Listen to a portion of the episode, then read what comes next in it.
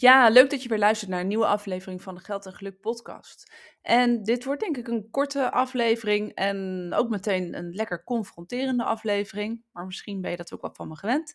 Naast gewoon praktische afleveringen heb ik ook soms even wat, nou ja, podcasts die, eh, die je aanzetten tot nadenken. Dat je denkt, hey, hoe zit ik hier eigenlijk in? Hoe denk ik hier eigenlijk over? Nou, daar is er weer, uh, deze is daar weer uh, eentje van. Um, deze krijg ik eigenlijk ook best wel vaak, uh, deze opmerking. En op zich zit er een kern van waarheid in. En ik ga hem ook meteen ontkrachten waarom je niet op deze manier uh, moet denken. Uh, en je moet niks, maar in ieder geval, dit is even mijn filosofie. En nou ja, misschien, misschien heb je er wat aan om even als overdenking mee te nemen.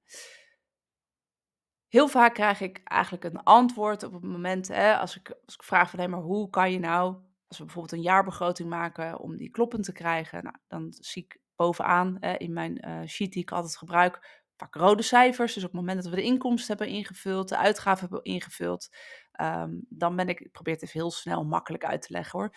Maar dan um, kijken we altijd van, hé, hey, wat zijn iemands spaardoelen en hoe kunnen we dat integreren? Hebben we per maand uitgerekend, oké, dan zou dit het bedrag zijn wat je per maand opzij moet zetten.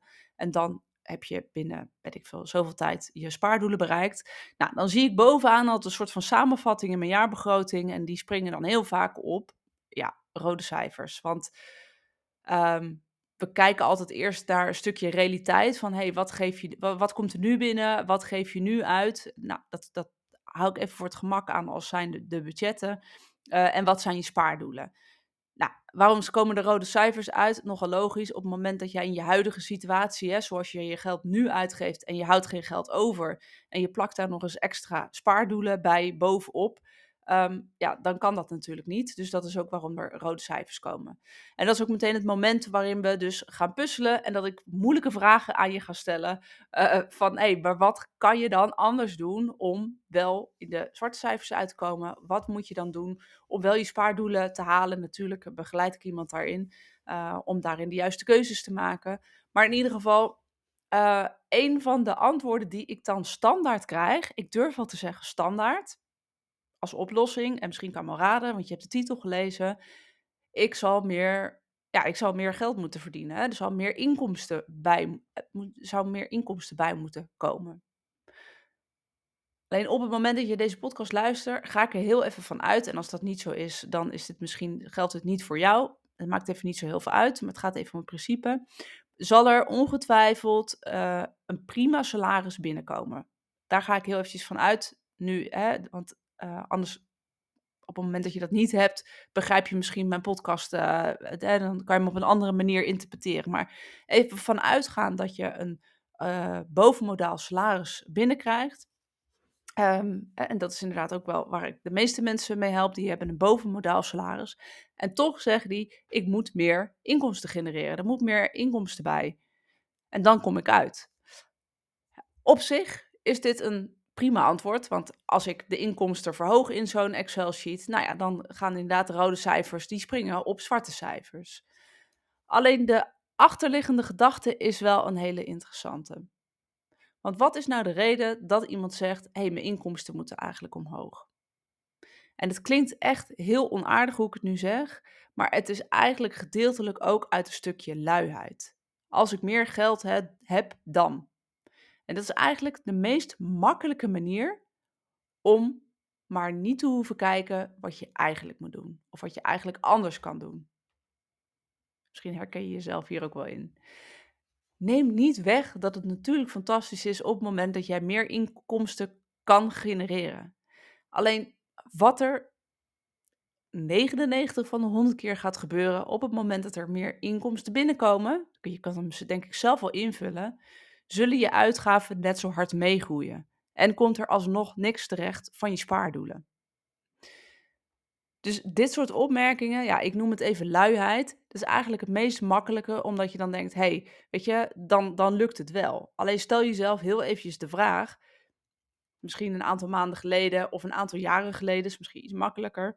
Hoe was je situatie toen? Hoogstwaarschijnlijk was jouw inkomen minder en had je in absoluut bedrag precies hetzelfde over of net zo weinig over als dat je nu hebt. Dus wat is er in die afgelopen tijd gebeurd? Je inkomen is inderdaad omhoog gegaan, maar je uitgaven zijn net zo hard meegegroeid met je inkomen. Dus at the end is er niks veranderd. Dus zo'n opmerking, hè, ik moet meer verdienen en dan komt het goed, is eigenlijk puur een, nou ja, puur een beetje luiigheid. Maar uh, laat ik het zo zeggen, je bent dan onvoldoende bereid om te kijken waar het hem echt in zit en wat er anders kan. En dat is toch echt ook, ik zeg ook, want natuurlijk zit het ook in inkomsten. Maar op het moment dat jouw uitgaven net zo hard meegroeien als je inkomsten, dan gebeurt er dus vrij weinig. Ja, het blijft niet, niet hetzelfde over. Je zult dus moeten kijken naar je uitgaven. En je kunt kijken naar je vaste lasten en dat soort, dat soort dingen. Natuurlijk, je kunt even met een kammetje door je abonnement heen gaan en door je vaste lasten. Dat moet je één keer doen en dan, dan staat het. Maar daar zit 9 van de 10 keer ook het probleem niet. Het probleem zit in je variabele uitgaven. We gaan maar eens terug. Ik, zonder dat ik je Excel-sheet gezien heb, weet ik al dat dit voor jou ook geldt als je je aangesproken voelt op: hey, ik, heb, ik hou helemaal geen geld over. Ik verdien eigenlijk gewoon prima. Hoe kan dat? Het antwoord zal ongetwijfeld zitten in je variabele uitgaven. Dus ga daar eens naar kijken en ga daar eens kijken van wat, welke keuzes moet ik daarin maken. Maar nogmaals, even snel zeggen, er moet er meer inkomen binnen, dat is, eh, naar binnen komen. Dat is eigenlijk het makkelijkste, want dan hoef je aan dat stuk niet te denken en daar hoef je dan niet uh, in te gaan vroeten. Want dat stuk is niet het leukste stuk om naar te kijken, want dat, dan kijk je eigenlijk rechtstreeks in in je eigen gedrag, in je eigen gewoontes, in je eigen routines, in je eigen triggers eigenlijk, waarom jij meer geld uitgeeft dan, eigenlijk, hè, dan je eigenlijk zou willen. Ehm, maar hier ligt dus wel echt direct ook het antwoord om uiteindelijk meer geld over te houden. Nogmaals, natuurlijk zit ook het antwoord in meer inkomsten. Maar op het moment dat jij niet, niet bereid bent te kijken naar jouw gedrag en naar jouw koopgedrag, dus naar je variabele uitgaven, zal je situatie niet veranderen. Ook niet op het moment dat jij een loonsverhoging krijgt of dat je, dat je jezelf meer salaris uitbetaalt als, uh, als ondernemer, als je een ondernemer bent. Dus je zult ook echt naar het stuk uitgaven moeten kijken, het variabele stuk, naar je eigen gedrag hey, waar gaat nou eigenlijk mijn geld naartoe? En hoe komt dat eigenlijk? Wat zijn die triggers? En welke keuzes moet ik dus anders maken om uiteindelijk meer geld over te houden? Nou, ik had beloofd dat dit een hele korte podcast zou worden. Dat is het, dat is het ook. Ik zit nog onder 10 minuten. Maar ik denk ook eigenlijk dat ik er ook niet heel veel meer over hoef uit te wijden. Dus alleen maar meer geld genereren is niet de oplossing om geld over te houden.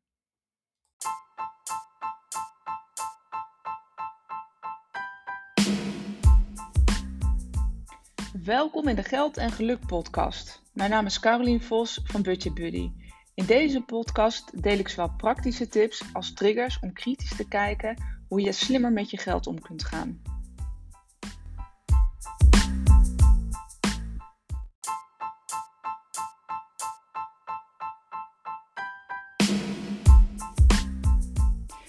Ja, dank weer voor het luisteren naar de Geld en Geluk podcast. En ik zou het heel tof vinden als je me een 5 sterren review zou willen geven. Op het moment dat je op Spotify luistert, kan je dat doen door de, bij de drie puntjes de 5 sterretjes aan te klikken. En dat helpt mij enorm om weer nog meer mensen te inspireren om beter voor hun geld te zorgen. Dank je!